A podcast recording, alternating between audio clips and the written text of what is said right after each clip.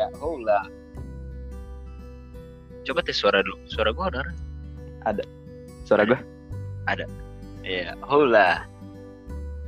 Oh, Iya, uh, balik dulu ketemu gua Muhammad Dawa Zikrillah.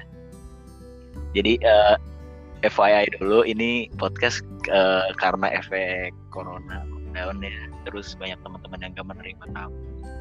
Jadi eh, gua sama temen gua buat jalan-jalan pengen cerita-cerita aja masa lalu masa lalu.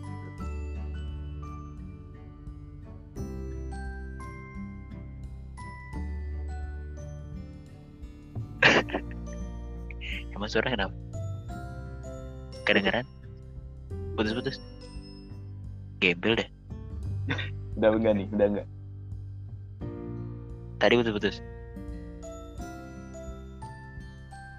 Ini emang kayaknya masih unstable gitu sih? Stable gak? Nah, stable nih. Coba lu sekarang yang ngomong agak panjang. Iya, coba nih. Lu kedengeran gak suara gua? Kalau misalkan gak kedengeran, kedengeran gak? Nah, ya jadi kita mau ini mau cerita tentang apa nih, Dik? Iya, eh, kan lu tahu nih sekarang lagi corona kayak gini aja nih anjing. Jadi eh, gabut banget gue pengen cerita aja nih masa lalu masa lalu eh, pengalaman-pengalaman gitu kita selama jalan-jalan dan mungkin nanti juga bisa jadi pelajaran buat eh, teman-teman yang dengerin buat oh iya ngomongnya buat orang-orang yang pada ngedengerin podcast ini biar ya ya udah buat jadi pelajaran gitu biar nggak dihilangin. Ya eh, for information emang hobi kita berdua tuh naik gunung selama SMA Eh, dan udah ada sebenarnya ada tiga trip yang gue laluin bareng Fauzan ini. Tapi yang eh, dua itu sebenarnya nggak cuma berdua tapi ada satu trip yang emang kita cuma jalan berdua doang yaitu eh, trip ke Semeru. Eh gue mau bahas sih sebenarnya cerita-cerita aneh dan apa namanya hal-hal yang harus dipersiapkan gitu mungkin ya selama lo naik gunung. Menurut lo apa sih yang pertama harus disiapin Menurut gua yang pertama harus disiapin tuh ya, cek dulu keadaan sepatu sebelum hiking gitu. Nah, asli bos. Itu mah anjing asli banget. Itu itu serius bukan cuma sepatu tapi semua peralatan lu ya. Jadi eh, ada orang gitu manusia yang naik gunung pas ke Semeru tuh kondisi sepatunya jebol gitu jadi lu mau hiking dengan sepatu yang menganga gitu kan itu itu aduh jangan deh itu buruk banget jangan diulangin lagi gitu ya Eh, karena itu eh, alat yang krusial banget sih menurut gue aja deh Iya, sangat krusial. Apalagi ya itu kan bahasanya setiap saat lu pakai gitu. ya iyalah pasti Dengan- kalau Dengan medan di Gunung Semeru tuh yang ya berpasir sekali ya Jik ya. asli. Terus eh apa namanya ada cerita lagi. Jadi kan eh, ada hal-hal yang harus disiapin nih ya kalau kita naik gunung itu seperti eh, surat-surat kesehatan dan lain-lain. Itu tolong bener-bener disiapin gitu sama lulu pada karena eh gue ada pengalaman buruk gitu. Gue nggak nyiapin surat kesehatan dari awal gitu dan bikin di perjalanan menuju ke base camp Semeru yang uh, which is itu di Lumajang gitu kan di Ranupane. Gue bikin saat uh, gue naik jeep gue minta tolong dulu jeepnya berhenti di sebuah klinik buat gue bikin uh, surat kesehatan. Nah tapi kan itu kita ditungguin nama rombongan gitu ya jadi terburu-buru gitu bikin surat kesehatan.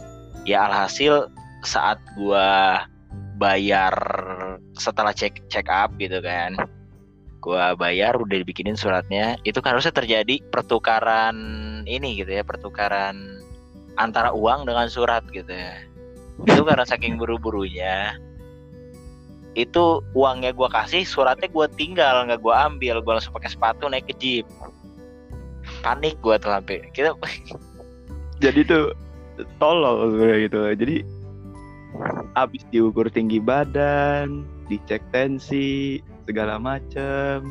Mbak, ini duitnya ya. Oh iya, kita langsung pakai sepatu, langsung dah tugas naik ke mobil.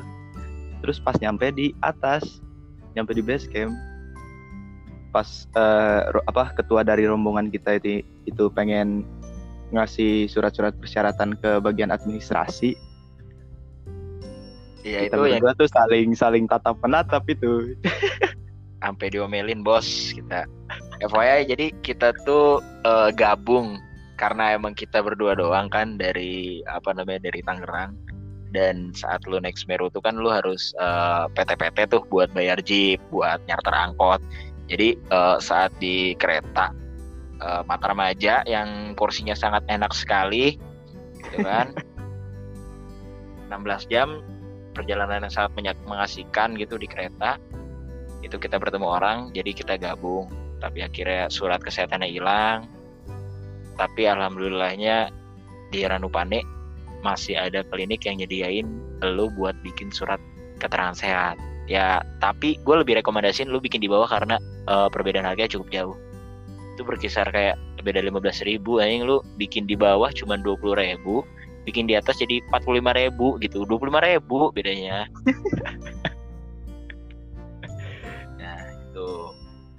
terus juga ya pasti saat lu naik gunung lu pasti udah prepare lah alat-alat kayak eh, sleeping bag tenda fly seat kaos kaki dan lain-lain jaket. Oh iya b- by the way gua ada dua tuh alat ke Semeru yang ngablu gitu. Udah sepatu gua menganga jadi jaket gua sletingnya nggak bisa disletingin kayak Dabjik tuh lagi ke Semeru paling rempong. Ya itu blunder parah sih lu saat lu ke gunung gitu kan yang di mana angin tuh eh, maksudnya suhu tubuh tuh beneran harus dijaga gitu krusial dan lu bawa jaket yang nggak bisa disletingin ya ya udah deh. Itu lu berasa berjalan ya gimana ya angin angin dingin gitu merasuk gitu kan ke dalam pori-pori tubuh itu tapi akhirnya alhamdulillahnya gue bisa bisa kita bisa ini sih ya bisa apa namanya diakal-akalin gitu ya sepatu gue gue ikat pakai tali rapia gitu. Tapi ya- Dilakban, untung ada yang bawa lakban lu. Iya gue lakban gue kasih tali webbing. Eh, semoga bisa bertahan tapi akhirnya gue nggak betah juga. Akhirnya gue selama di jalur pendakian eh, sampai ke Ranukumbolo karena memang masih enak gitu ya jalurnya. Gue pinjem sendal gue pakai sendal jadinya. Itu sih. Terus kita juga bawa sendal juga ya? Hah? nggak bawa sendal juga kita ya? Gak bawa sendal gue dipinjemin sama teman gue alhamdulillah tuh dari apa, rombongan itu. Bang Andre ya yang pinjemin gue sendal. Terima kasih bang Andre.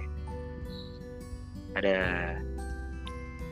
ya eh jadi kita kalau cerita masalah pendakian ke Semeru tuh eh FYI itu pendakian pertama ke Semeru dan makan waktu pendakian tuh 4 hari tiga malam lah.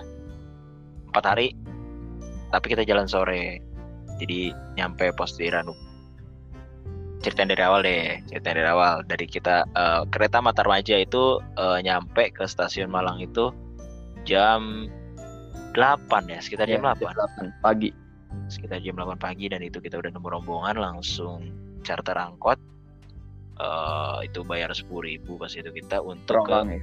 Eh, untuk ke pasar pasar tumpang. Ya pasar tumpang untuk mulai cari jeep. Tapi sebelum kita ke pasar tumpang ya eh, di pasar tumpang itu buat lo yang mau naik Semeru lo bisa belanja dulu. Dan signaturnya tuh kalau lo ke Semeru itu lo beli semangka. Nah, daripada lu beli semangka di jalur pendakian Semeru 2500 satu slice gitu ya, udah lu mendingan beli di pasar tumpang gitu satu biji. Dengan eh, efek apa namanya?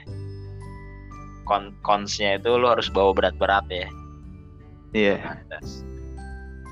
Gua eh, eh kita nyampe ke base camp Ranupane itu jam sore setelah asar dan memulai pendakian juga setelah asar itu. Nah, itu sampai Ranukumbolo ada beberapa pos yang harus dilewatin ya sekitar tiga pos. Nah, pos Ranukumbolo itu pos keempat ya. Iya. Pos keempat itu sampai jam 10 malam. menurut lu gimana sih menurut lu menurut lu medannya gimana Jan menurut gua medannya entah karena emang sekarang jalannya udah sering dilaluin jadi dari pihak pengurusnya itu tracknya tuh jalannya udah bagus gitu ya. Ya ada yang bagian tuh udah dipakein batu kali jadi nggak terlalu apa ya bahasanya? Nggak terlalu apa curam ya mungkin ya buat tidak itu. Jadi nggak jarak kaki lu tuh kalau misalkan naik tuh nggak tinggi tinggi banget. Iya itu buat ini juga sih maksudnya uh, impression juga ya. Kan orang hmm. banyak kan takut mulai naik gunung gara-gara wah takut nih ini ini curam atau gimana. Itu tergantung gunungnya. Kalau Semeru ini termasuk di gunung di awal awal jalur pendakian itu nggak terlalu curam jadi masih menyisirin bukit-bukit lewat lereng-lerengnya. Iya. Terus uh, ke enak apa enaknya naik Semeru ini ada warung di setiap pos yeah. itu. Setiap pos ada warung. Ya sampai jam sampai sekitar malam lah. Malam itu sore-sore itu kita malam-malam itu masih ada. Itu terus mereka suka bikin api unggun lagi jadi kita bisa ngapain badan. Ya yeah. enak. Nyampe Ranu Kombolo malam pertama kita langsung ke camp uh, dan itu ya uh, gimana ya bahasanya? itu rame banget sih. Rame ya rame banget. Lu lu tak di lu nyampe Ranu Kombolo malam itu masih kayak udah camp nyari camp tuh susah gitu kan ya tapi uh, akhirnya ya udah kita dapat camp yang agak miring gitu yang gimana kalau lu kalau tidur gitu lu nyerosot. Sebenarnya itu karena gimana ya aturan tuh kita bikin camp itu uh, bangun tenda itu tuh nyatu dengan rombongan yang lain. Tapi pada saat itu tuh nggak nggak tahu kenapa kita malah misah dan milih buat lebih dekat ke warung. Iya itulah namanya dingin dingin warung warung nyediain api unggun kan? Eh Dulu, kalau pas di malam pertama tuh kita masih nyatu. Emang iya ya? iya di malam pertama kita masih nyatu. Oh iya di malam iya. pertama kita masih nyatu. Bisa gabung kita sama rombongan. Itu yang miring. Eh, emang itu mah gara-gara udah sedikit tempat sih. Terus karena emang itu malam gitu ya udah bingung juga mau ngapain suhu juga udah dingin. Paling juga kita ngopi sebentar di warung kan. Ngopi sebentar di warung langsung tidur karena besok harus lanjutin perjalanan untuk ke uh, tempat camp selanjutnya yaitu base camp Kalimati. Hmm. nah selanjutnya kita bangun itu bag alhamdulillahnya bagus ini apa namanya cuaca. Iya cuaca. Terus juga dapat pemandangan. Uh, walaupun ya bablas tidur gitu nggak nggak nggak kebangun sunrise sih. Ya gitulah. Jadi terus uh, kita juga uh, dapat untung pas itu kita lagi musim libur dan masih banyak uh, apa namanya wisatawan-wisatawan asing yang naik Gunung Semeru. Ini sih. Ya. itu SM... pas ya dikit enggak dong. Oh enggak ya? Enggak pas naik. Oh iya pas naik. Eh pas turun? Pas turun. Pas turun. Iya kita belum nemu. Iya ada nemu beberapa imigr uh, beberapa apa namanya wisatawan asing tapi kita belum ngobrol gitu. Sebenarnya harusnya itu esensi lu dari lu uh, naik gunung saat lu bisa ngobrol sama orang-orang sih. Lu bisa denger berbagi pengalaman ya apa yeah. itu kan.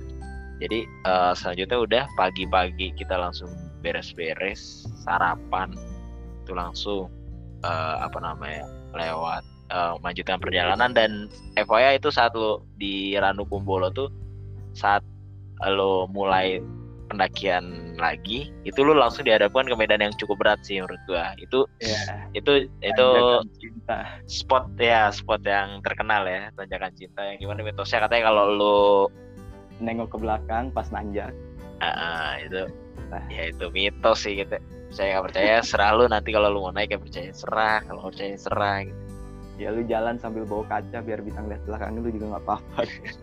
Iya kalau nggak lu nanti pas sudah nyampe atas saya lu lihat belakang nah setelah lu melewati tanjakan cita lu sebenarnya akan menemukan uh, padang bunga yang gue lupa nama bunganya sih. Tapi katanya itu saat emang mus sa- kalau kita mendaki Semeru di saat yang tepat itu lu bisa nemu padang hamparan bunga yang benar-benar bagus gitu tapi saat kita naik Semeru itu lagi kering jadi ya udah kita ngeliat ya, tapi masih bagus sih ya namanya lu di, di alam pasti lu ngerasanya enak aja Iya. terus juga kondisi awan apa namanya cuaca lagi bagus gitu kan kita mau Iya. awan yang cukup unik tuh di situ ada di fotonya Nah, Nah, itu- itu Rombo. Ororombo ya namanya Rombo. terus enaknya tuh Risu ini saat lu naik gunung gitu ya saat lu nemu da, apa nih jalan yang datar gitu kita Iya. teriak-teriak ngomong wih bonus bonus bonus gitu kan ya iya lu udah capek bos naik gunung Eh, nanjak mulu kan kaki pada ke satu nemu yang datar tuh enak banget dan itu Ororombo tuh salah satu jalan datar yang cukup panjang gitu sampai Bonus paling lama. Iya itu sampai pos selanjutnya itu Cemoro Kandang. Nah itu di Ororombo itu lu nggak bakal nemu pohon tuh padang tuh nanti lu mulai nemu pohon lagi di Cemoro Kandang lu bisa istirahat di situ. Eh jangka waktunya nggak terlalu lama sih ngelewatin Ororombo paling sejam lah ya Iya. sejam. Nah di Ororombo istirahat istirahat di situ ada penjual juga lu bisa nikmatin lagi semangka Semeru. Am, spe- ada yang spesial coy dari pedagang-pedagang Semeru ini gue bingung lu sambel sambel Sambal. warna warnanya kayak selai coklat. Tapi pedes. Ke gula gula buat rujak ngerti gak sih? Ya emang gue buat aja kan Iya, kayak gula buat rujak gitu. gue gue ngerasa kayak selai coklat coy. Tapi pas gue coba gue kira anjing ini selai nih. Soalnya ada pisang kan kata gue ada pisang goreng gitu selai nih selai selai coklat. Pas gue cocol banyak banyak gue kagak terlalu suka pedas ternyata pedas banget monyet kata gue aduh ya enggak deh nggak boleh ngomong kasar kalau di gunung ya enggak ya. Ya yaudah lu bisa lanjutin lagi satu eh, apa namanya ngelewatin Cemoro Kandang lu bakal ngelewatin eh, lereng satu bukit lagi lu ngelewatin satu bukit lagi. Sampai lu ketemu pos selanjutnya gue lupa nama posnya. Jambangan. Oh Iya, iya Jambangan. sampai lu pos Yang itu udah mulai kelihatan kan tuh gunungnya. ya itu puncak Semeru di situ udah mulai kelihatan tuh di Jambangan itu dan itu udah bentar lagi lu sampai ke eh, batas ah, batas camp terakhir yaitu di Kalimati. Nah yaudah lanjut sampai Kalimati itu kira-kira kita sore lah sore jam dua jam tiga sekitar jam ya sekitar jam segitulah. Terus eh, nah ini yang unik nih Iya. ini unik ini gue ini gua nggak tahu ini eh, salah gi- dia naruh polis lainnya atau gimana gitu kan yang walaupun kita udah dijelasin gitu ya di awal di awal sebelum mulai pendakian gitu jalur-jalurnya dan lain-lain kita nggak dijelasin nih masalah eh, peraturan di Kalimati ini. Jadi eh, saat lo bener-bener baru masuk Kalimati itu di sebelah kanan tuh akan ada daerah enak yang buat ngecamp gitu di bawah pohon-pohon cemara. Terus dikasih polis lain gitu kan dikasih garis polisi. Tapi yang aneh ada jalan. masuknya gitu. Iya. Ya jadi kita ngira oh emang ini tempatnya camp gitu kan Iya. Ya udahlah Terus juga di situ emang kita keadaannya udah pada capek semua kan. asli gitu Jadi tanpa pikir panjang tuh kayak ya udahlah yang lain juga pada setuju buat ngebangun tenda di situ akhirnya kita stay di situ satu malam. Heeh, ya itu jadi bikin tenda di situ sampai eh se- sebelum ya belum ketemu belum ketemu Iya. tuh yang marahin Hmm. Nyari air dulu di sumber mani itu ya. Nah itu ada mata air tuh di jadi ada dua kali ya di Ranukumbolo lu bisa ngambil air. Terus di Kalimati ada lagi namanya sumber mani itu jalan lah sekitar 30 menit lah ya. Iya. Agak turun lewatin lereng.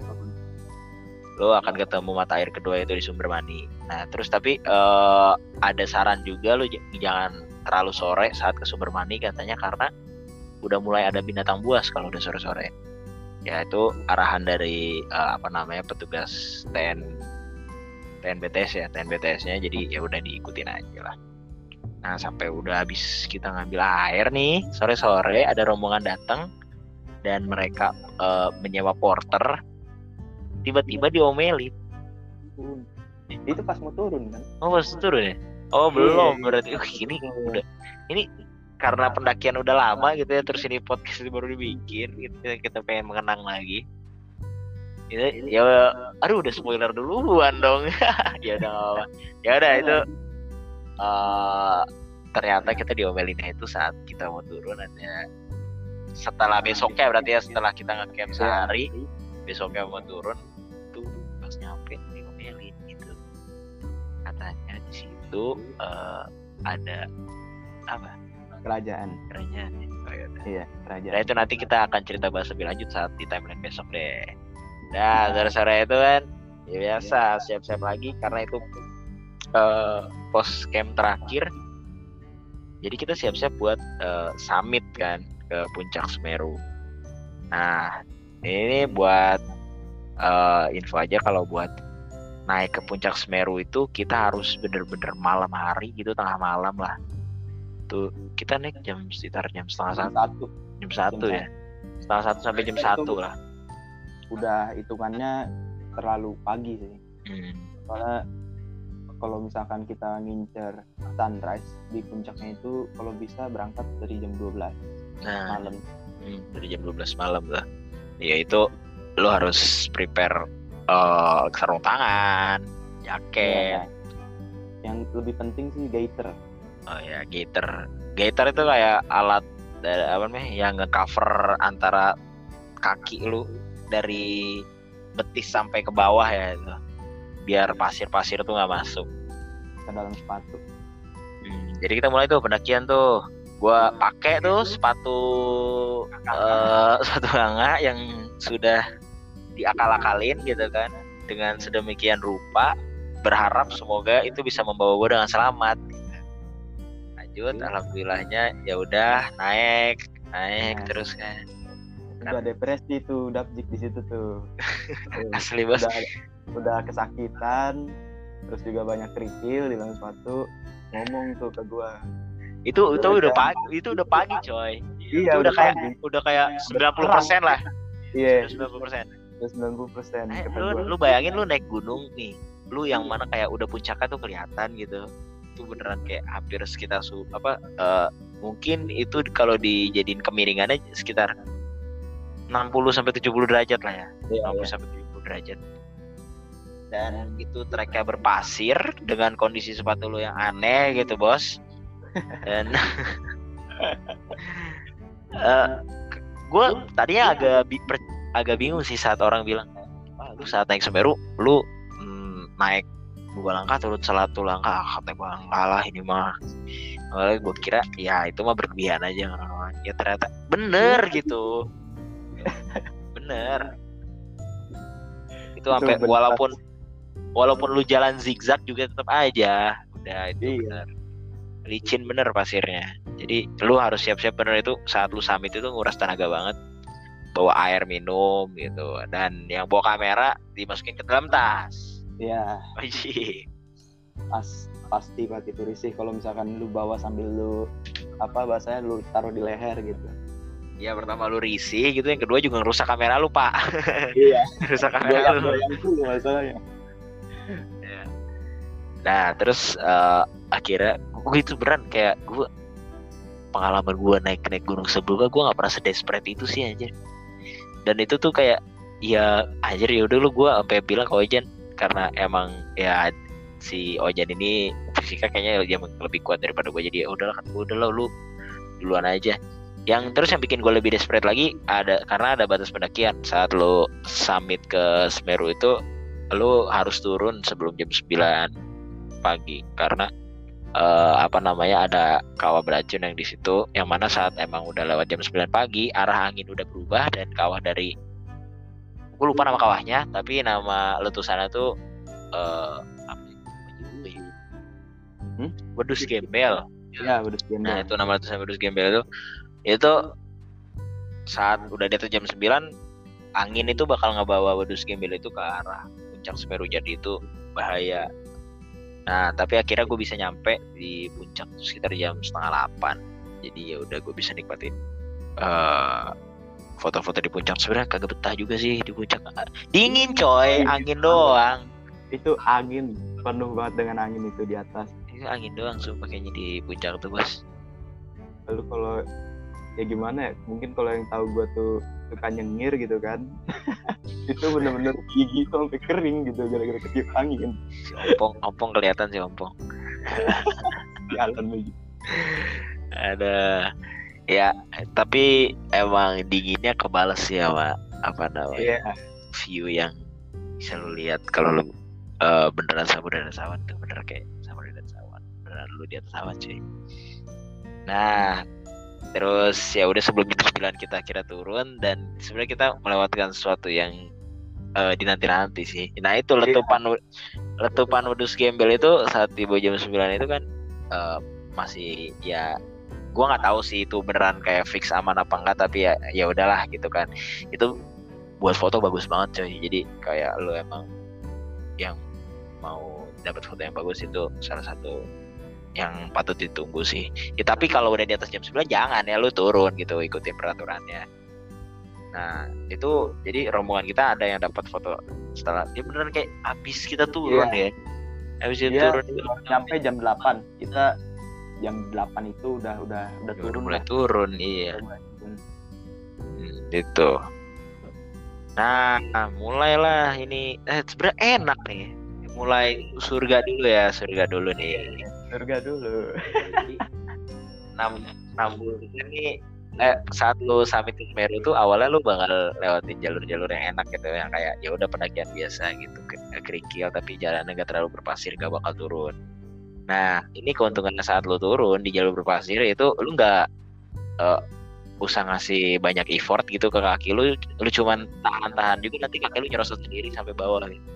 iya Nah itu Nah. kayak perbandingan lu naik sama turun tuh satu banding berapa ya jadi lu, lu naik lama banget coy lu turun cuma 5 menit atau 10 menit Iya, Gila. cepet banget semuanya Cepet banget terus dan tidur di eh tapi tidur di situ enak banget sih walaupun gak disarankan ya karena pasti Iya, banyak yang menggelinding gitu tapi tidur di lereng Semeru tuh enak banget parah Anjir, anginnya itu loh boy gila angin kacau udah sinar matahari lagi iya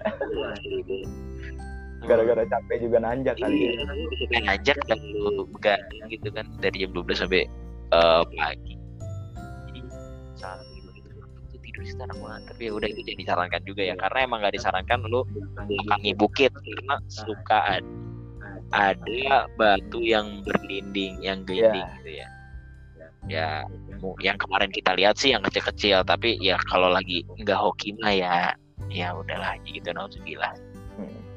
soalnya ada kasus yang waktu itu pernah kejatuhan batu. ya, sampai berdarah. Hmm, gitu makanya kan jadi nggak disaranin eh, lo membelakangi bukit. Nah. Udah tuh sampai akhirnya jalur pasir selesai gue harus kembali berjalan lagi menyusuri ini. Sepatu gue udah keburu hancur. Ya, sepatu gue udah keburu hancur akhirnya gue memaksa ya udahlah kata gue gue nyeker aja gue nyeker di jalur yang batu gitu lu turun lu harus nahan. Dan gue nggak bisa kenceng-kenceng dong kalau kayak gitu.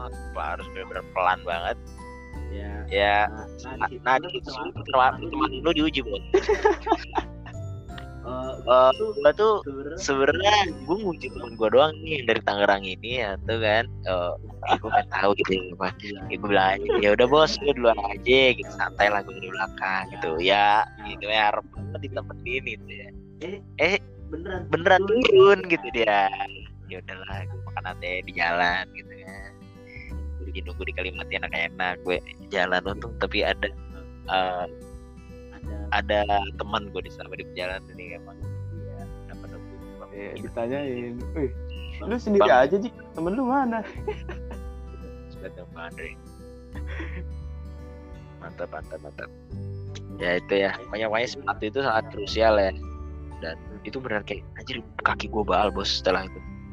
Lewatin kerikil-kerikil turunan di Semeru lagi panas. Itu kondisi sepatu harus benar-benar bagus. nah di saat Dapzik nih sedang kesakitan kesusahan ada yang enak-enak makan di bawah Di Kalimantan dia udah makan nasi dingin. Gua nggak gemuk ya. Iya. itu Iya itu iya. Ya harus Harus pinter-pinter cermat-cermat buat milih-milih makanan sih itu. Ya. ada satu cerita unik lagi pokoknya kalau misalkan lu nemu warung di Kalimati itu yang jual ibu-ibu bukan bapak-bapak jangan kejadian kayak gua sama anjir, itu bukan itu. Dengan polos, ya. Ini semua pendaki deh. Ih, kayaknya sih semua mendaki Just, ini buat untuk FYI aja nih mak jangan kayak gua sama Damji yang dengan polosnya Mas ini berapa? Di situ gua mau Damji langsung "Jik, itu yang jual ibu-ibu apa bapak-bapak sih? Terus diteliti lagi anjing ibu-ibu ya Jik. Ibu-ibu, ibu-ibu. Goblok banget itu anjing mana mana habis denger gitu langsung langsung jutek lagi aduh gua nggak enak banget gitu Asli bos. Gimana bu? Tolong di makeover ya penampilannya bu. Ya udah, itu siap makan ya pokoknya pas itu kayaknya pokoknya hal yang pertama lu pengen rasain makan saat sampai Kalimati lagi. Ah, Nah di situlah kejadian ketemu porter diomelin. Setelah ketemu porter diomelin, nah ada cerita mistis di atas tuh. iya Iya, katanya datang di mimpi. iya Kalau gua sih eh, tidur aja gua mimpi si cinta. aduh siapa tuh Aduh. aduh Ya udahlah gitulah. Ya udah sampai akhirnya eh, kita turun itu siang ya karena yang siap-siap dulu dan emang males-malesan dulu. Ambil air dulu ini dulu. Hmm. apa sih lu males deh sekali mati deh udah enak banget. Apalagi itu di spot yang apa restricted itu PW banget bos. Iya. Kenapa? kenapa spot yang nyaman malah dilarang gitu kan? Itu mah bener-bener adem jik. Definisi definisi adem itu. Asli. itu beneran kayak beneran di bawah pohon cemara. Terus datar tanahnya enak banget.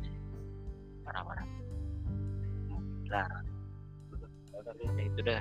Ada yang dimimpiin kalau gua sih cinta yang datang mimpi gua. Nggak usah disebut lah apa yang dimimpiin. Ya udah akhirnya eh, turun lagi. Nah di turun ini eh, teman-teman yang kita ajak bareng itu ada yang udah mulai sakit. Iya.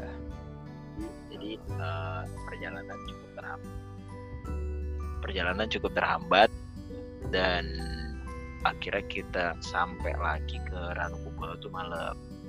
Dan karena memang udah ada yang sakit gitu rombongan kita akhirnya kita memutuskan untuk wah kita rehat lagi semalam lah. Tadinya kita memaksain untuk oh ya udah kita tektok aja langsung lah kita turun. Karena untung waktu itu juga kita eh, izin pendakiannya tuh empat hari tiga malam ya yang padahal rencananya tuh tiga hari dua malam buat pendakian.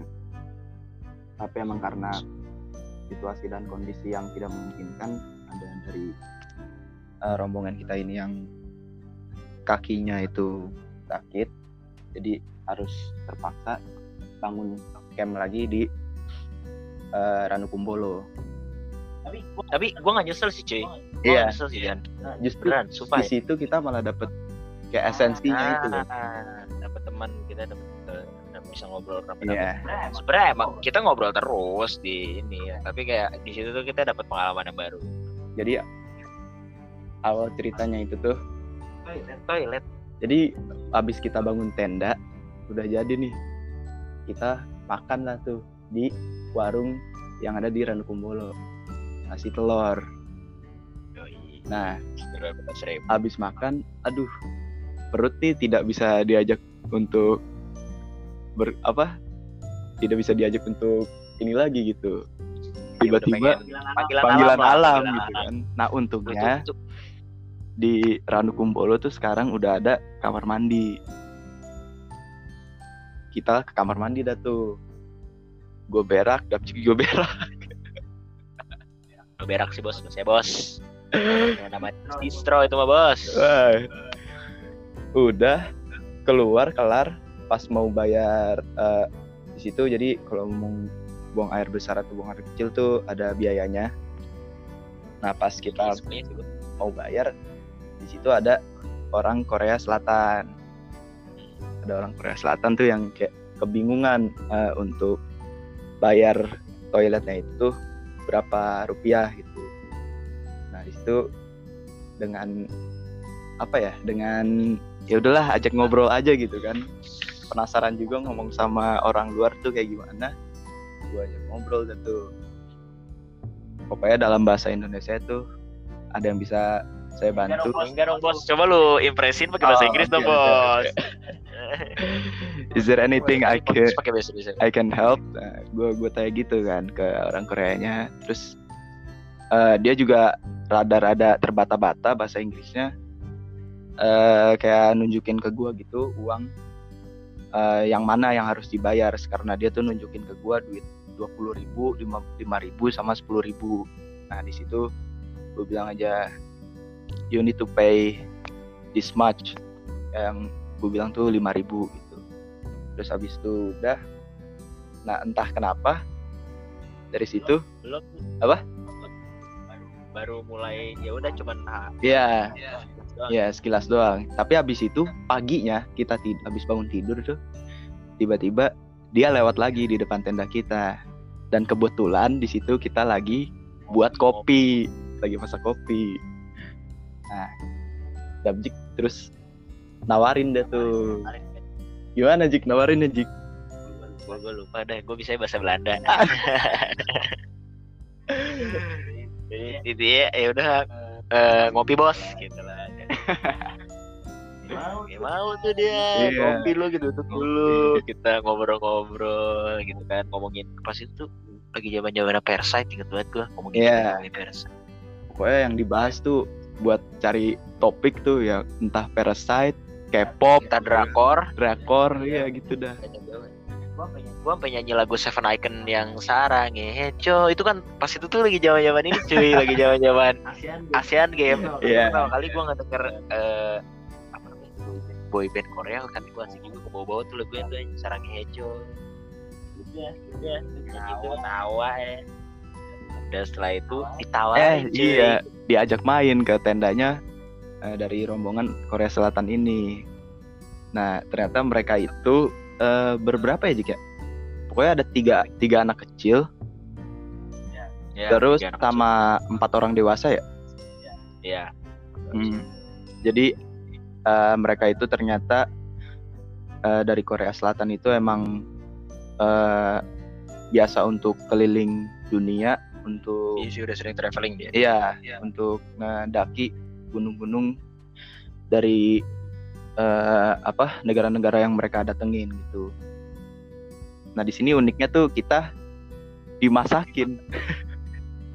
Itu ma- makanan enak paling terenak loh yang kita makan di gunung bos. Terus cara masaknya juga unik gitu. Mereka kayak bawa alat eh, apa ya nestingnya gitu. Eh, kan lu biasanya saat lu di Indonesia lu pakai kompor apa namanya high cook biasa gitu ya guys ya. Ya high cook gitu. Dia kayak pakai biodegradable gitu bos kayak yang bahan bakaran tuh kayak kayu gitu gue baru pertama kali lihat sih kalau kompor parafin gue udah pernah lihat tapi kalau kompor dia tuh bahan bakaran tuh kayak kayu kayu kayak pelet ya. Iya, pelet. pelet bentuknya kayak pelet. kayak pelet-pelet makanan makanan ikan gitulah yang agak gede gitu tapi uh, pelet burung atau kayak royal canin kayaknya Royal Canin mah buat kucing malih. Banyak.